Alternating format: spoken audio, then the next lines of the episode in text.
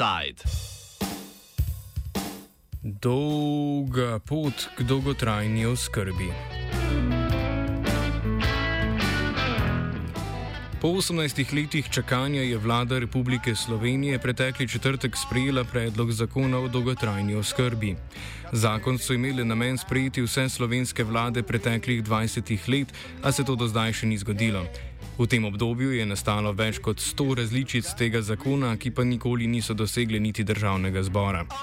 Glavni dejavnik pri sprejemanju zakona pa je bilo vselej opredeljevanje financiranja, ki je tudi v novem zakonu pomankljivo načrtovano.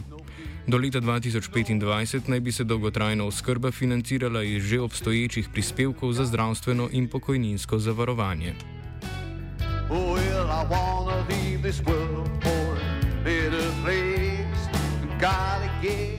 Ureditev financiranja za daljše obdobje pa je vlada preložila na leto 2024. Do takrat naj bi se namreč sprejelo zakon o zavarovanju za dolgotrajno oskrbo, ki bo uveljavil nov socialni prispevek, torej zavarovanje za dolgotrajno oskrbo. Zakon pa peša tudi pri opredelitvi odnosa javne mreže do koncesionarjev, pravic uporabnikov in osnovnih standardov ter normativov. Predlog zakona, ki so ga obravnavali lansko jesen, je že predvideval 1,47 odstotno prispevno stopnjo, posledično pa bi se prispevek za obvezno zdravstveno zavarovanje znižal. Sicer gre za področje, ki je v domeni dveh ministrstv: Ministrstva za zdravje in Ministrstva za delo, družino, socialne zadeve in enake možnosti, odgovornosti katerega so tudi domovi za starejše. Njuno usklajevanje pa je poglaviten razlog za dolgotrajnost sprejemanja zakona, razloži biserka Marold Meden iz Srebrne niti, Združenja za dostojno starost. Zakon obravnava dve področji, področje zdravstva in področje sociale. In tukaj ni bilo nekega skupnega interesa in se je potem uh, pripravljanje zakona stelilo iz enega ministra na drugega. Tako da zdaj ta čas je zakon v zaključni fazi na Ministrstvu za zdravje. Eh, bilo je premalo dialoga in pa, kar je bilo najbolj bistveno, nikoli se niso pač tisti, ki so bili odločujoči faktori, eh, dogovorili, odkot se bo črpal denar in denar pa vemo, da je najbolj bistvena stvar pri urejanju tako pomembnih področji, kot je tudi dolgotrajna oskrba. Got no fears. Zakon predvideva vzpostavitev sistema dolgotrajne oskrbe kot novega stebra socialne varnosti. Omogočal bi izvajanje dolgotrajne oskrbe kot integrirane dejavnosti vseh storitev tako v institucijah kot tudi v skupnostnih oblikah dolgotrajne oskrbe. Ta ni enotno sistemsko urejena, a jo, a jo lahko pojmujemo kot sistem storitev in ukrepov, namenjenim osebam, ki so zaradi bolezni, starostne oslabelosti, poškodb, invalidnosti, pomankanja ali izgube intelektualnih sposobnosti dlje časa ali trajno odvisne od pomoči drugih oseb pri opravljanju osnovnih in podpornih dnevnih opravil. Ne vključuje torej zgolj skrbi za starejše, ampak vse odrasle, ki so zaradi takega ali drugačnega razloga odvisni od pomoči drugih. Kaj je opredeljeno s pojmom dolgotrajne oskrbe, pojasni Ana Marija Kejžar iz Fakultete za socialno delo. Ko govorimo o dolgotrajni oskrbi, namreč govorimo o varni, kakovostni starosti, o tem, da ne nihče od starih ljudi oziroma tistih, ki potrebujejo storitve dolgotrajne oskrbe, bil spregledan, živel v izolaciji padel po tleh in ga nihče ne bi našel. To so realnosti, ki nastajajo v razvitih državah in tudi v Sloveniji se še dogaja. Zato lahko a, pomeni zakon o dolgotrajni oskrbi vseeno korak naprej, če ga bomo znali pravilno speljati. Kljub temu, da je dolgega čakanja na zakon konec, pa ta še zdaleč ni konstruktiven, saj ne vključuje in ne obravnava nekaterih ključnih vidikov zagotavljanja kakovostne dolgotrajne oskrbe. Ta zakon je, če se izrazim eh, s prispodobo, tako da bodo razumeli starejši in tisti morda, ki jih zanima, kaj točno pa v zakonu piše. Ta zakon je kot omara, ki jo odpreš in noter so prazne police in prazni obešalniki. Tako da vse tisto, kar bi moralo natančno določati od oskrbe do uh, kadrovskih normativov, do uh, standardov namestitve, do uh, procenta, uh, koliko bo, kakšne bodo najviše vrednosti za posamezne oskrbe in tako naprej. Vsega tega v zakonu ni. Javna razprava o osnutku zakona je potekala že lansko jesen. Vlada pa je ta zakon oblikovala brez predlogov in brez upoštevanja pripomb strokovnjakov iz tega področja. Biserka Marold Meden opozarja tudi na manjko socialnega dialoga. Lansko leto, v koncem avgusta, je bil v javni razpravi predlog zakona, eh, razprava je trajala do 5. oktobra in kar 68 različnih strokovnih civilnih organizacij je podalo pripombe. In te pripombe eh, pa seveda ni bilo socialnega dialoga pred oblikovanjem tistega zakona, kot tudi ne pred oblikovanjem tega. In mi smo pričakovali, da bo to upoštevano oziroma da se bodo sporne stvari v medsebojnem dialogu uh, izkristalizirale, uh, uh, vendar je šel zakonodajalec po drugi poti. Na ministrstvu so se odločili, da vseh teh uh, odprtih, žgočih vprašanj ne umestijo v zakon in da bo uh, financiranje, ki je najbolj bistveno, urejal nek drug zakon, ki ga bo ena druga vlada Eh, začela obravnavati v letu 2024. Vse ostalo, od kadrovskih normativov, eh, prostorskih pogojev, eh, da ne naštevam, bo pa opredeljeno v posameznih pravilnikih, ki jih bosta sprejemala eden in drugi minister. To pomeni minister za zdravje ali pa minister za delo, družino, socialne zadeve in enake možnosti. Yes, Vlada je s prejetjem predloga zakona torej obšla stališča razpravljavcev, ki so sodelovali pri javnih obravnavah. Čeprav gre le za osnutek zakona, ki ga je vlada do objave snovala v tajnosti, so bile iz oblikovanja zakona izključene tudi zavarovalnice in Zavod za zdravstveno zavarovanje Slovenije. Ana Marija Kejžer razloži, da snovanje zakona ne bi smelo potekati v tajnosti, saj je po njenem mnenju konstruktivno sodelovanje pri oblikovanju zakona glavni kakovostni dejavnik le tega kakovost našega zakona in naše dolgotrajne oskrbe odvisna od tega, kako se bomo lotili res v kratkem času sprejemanja različnih standardnih namestitev, potem kako bomo spremljali kakovost, na kakšen način bomo upoštevali voljo, željo upravičenca, njegove potrebe, da ne bomo spregledali najšipkejših skupin, kako bo urejeno financiranje. To so stvari, ki zdaj malce odmevajo v javnosti. Ja, upravičeno, zato ker niso do, dodelane, vendar menim, da če želimo, da bo zakon vseeno um, se razvil tudi v Sloveniji, ker potrebe so potem pač je to prva točka in nadaljujemo s pravilniki. Roki pa so kratki, ki so navedeni. Um, morda tudi kar nekaj kritik izvira iz tega, ker so se določeni deležniki, ki izvajajo zdaj storitve dolgotrajne oskrbe, počutili izuzete iz pisanja zakona o dolgotrajni oskrbi. Tako da moje mnenje je, da takšen zakon ne sme nastajati v tajnosti in zdaj osnutek imamo. Verjetno se bo še kakšna stvar spremenila, drugače pa bi morali pri pravilnikih, ko določamo financiranje, vključiti tudi zavarovalnico, tudi Zavod za zdravstveno zavarovanje. Ko govorimo o izvedbi, moramo vključiti tudi pomočno domo, tudi domove in na ta način bomo lahko res napisali pravilnike, ki bodo podpirali zakon, da bo zaživel na tak način, kot je mišljeno. Temeljna pomankljivost zakona, na katero opozarjajo strokovnjaki, je predvideno financiranje zakona. Sindikati ob tem opozarjajo, da slednje ne bi smelo biti odvisno od demografskega sklada, saj mora biti ta pristojen za nalaganje pokojnin za prihodnje generacije. Ker gre za pomemben sistemski zakon, pa je bistveno, da se oblikuje sistemski načrt financiranja, razloži Marold Meden.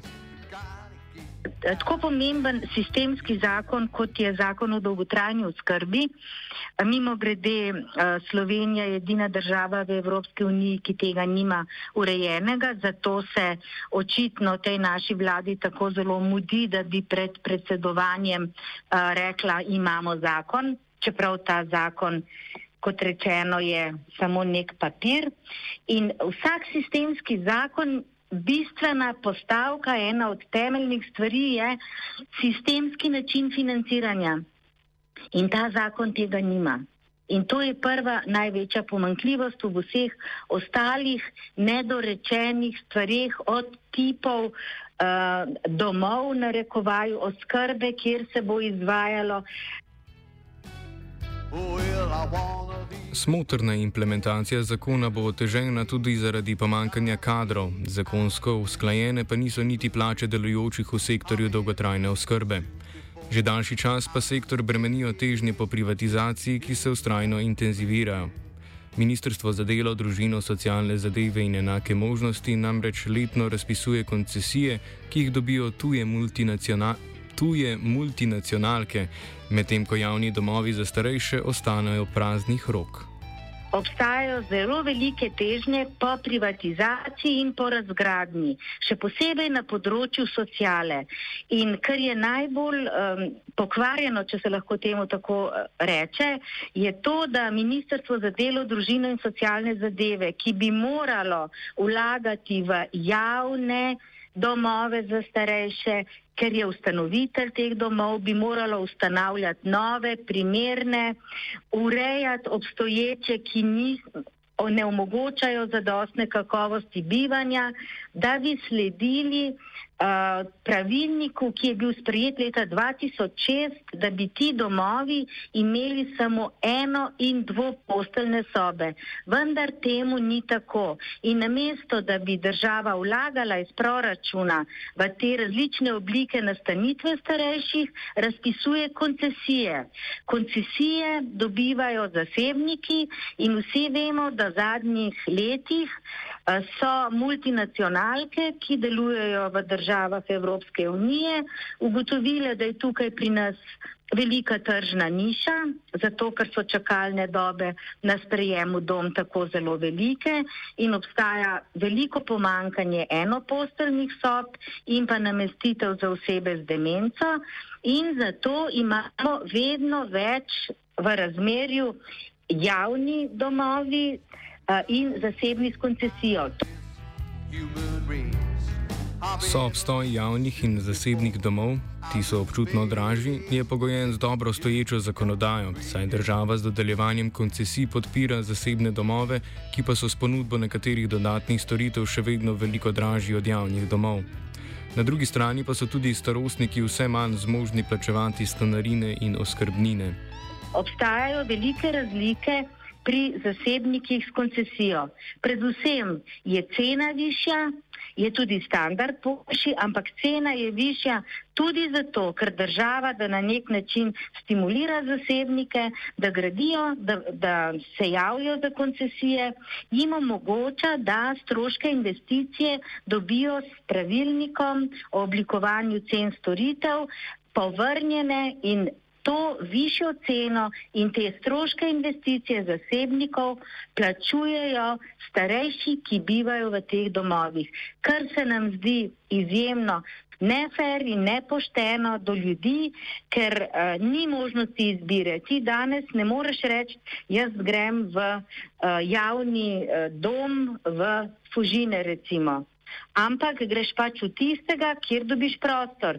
In zdaj, ko je tako veliko ljudi v domovih starejših umrlo, vsi vemo, da jih je umrlo skoraj 2100 v dobrem letu dni, so se spraznila mesta in zdaj, po informacijah, ki jih imamo v Srebrni niti, se selijo ljudje iz domov s koncesijo v javne domove, ker enostavno niti sami posamezniki, niti njihovi sorodniki niso več sposobni doplačevati, kaj ti cene v domovih starejših so vedno više in više, vemo pa, je, kakšne so poprečne pokojnine.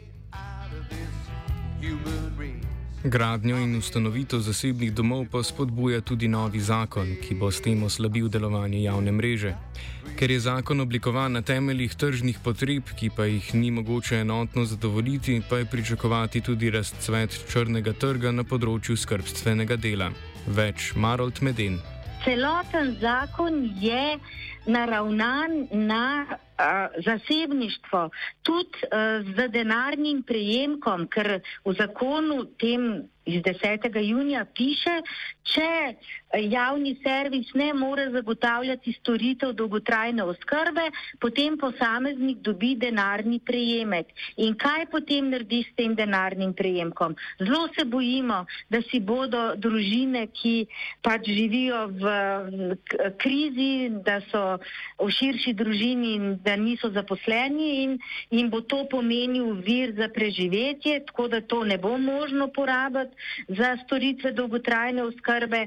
In to pomeni, da ne bo javne mreže, bodo to razni privatniki ponujali različne usluge in zelo se bo razbohotil črni trg, ker že danes vemo, da tam, kjer ni možnosti, da dobiš storitev v instituciji, pri tistih premožnih, tudi nekaterih poslancih, ki se s tem hvalijo, pač zagotavljajo zasebno um, pomoč, varstvo svojim staršem. Uh, tako da zakon je naravnan v spodbujanje trga, tako kot se je država odločila že kmalo po samosvojitvi, da bo trg uravnaval vse na področju sociale. Vendar, če smo socialna država, temu ne more biti tako, ampak moramo zagotavljati neko solidarnost in enako dostopnost za vse, ne glede na to, kakšno uh, pokojnino imajo, ker vemo, da zelo veliko ljudi danes živi v revščini.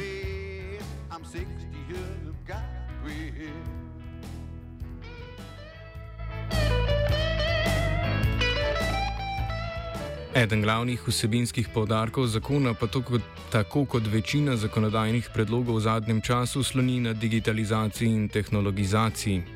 Tako naj bi se uvedlo sistem e-oskrbe, ki bi omogočala takojšnje ukrepanje ob morebitnih nesrečah ali zdravstvenih zadregah starostnikov. Uvedba e-oskrbe ne bo zmožna nadomestiti človeškega stika, a kljub temu predstavlja pomemben korak zagotovitvi čimprejšnjega posredovanja skrbstvene službe, razdolži Ana Marija Kejžar. E-oskrba, ki jo sedanji zakon o dolgotrajni oskrbi omenja, pomeni, da bo lahko nekdo ostal doma in bo vedel, da če se mu kaj zgodi, če se slabo počuti, če pade, da se bo sprožil klic na številko, ki jo je sam izbral. Lahko so to sosedje ali pa otroci. E-oskrba, po mojem mnenju, ne nadomesti človeka, ne nadomesti druženja, lahko pa rešuje življenja.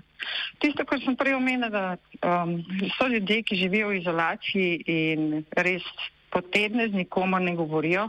Taki ljudje so pod velikim tveganjem, da bi v primeru, da pride do kakšne bolezni ali paca, bili res pregledani.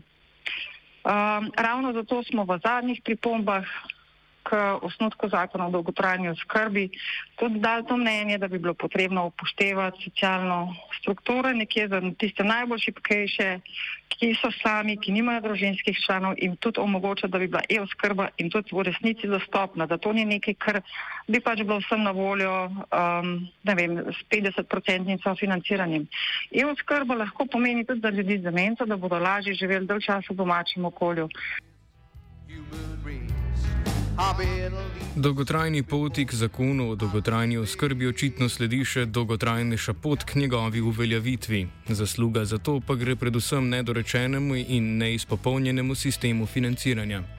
Zaradi staranja prebivalstva in potrebe po vedno večjem zagotavljanju oskrbe pa je ta zakon zgolj medla popotnica v negotovo prihodnost slovenskega trga skrbstvenega dela.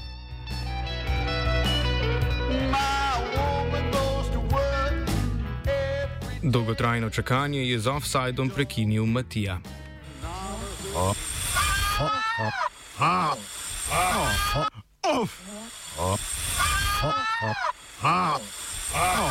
Offside. Res da je oddaje konec, a biserka Marold Meden ni povedala še vsega. Držite se. Uh, moj sin, vas, čeprav ni več mlad, ne, mhm. ampak vedno, ko se v moj avto usede, ne, ko mu ga posodim, potem, ko se jaz usedem v avto, imam radio študent.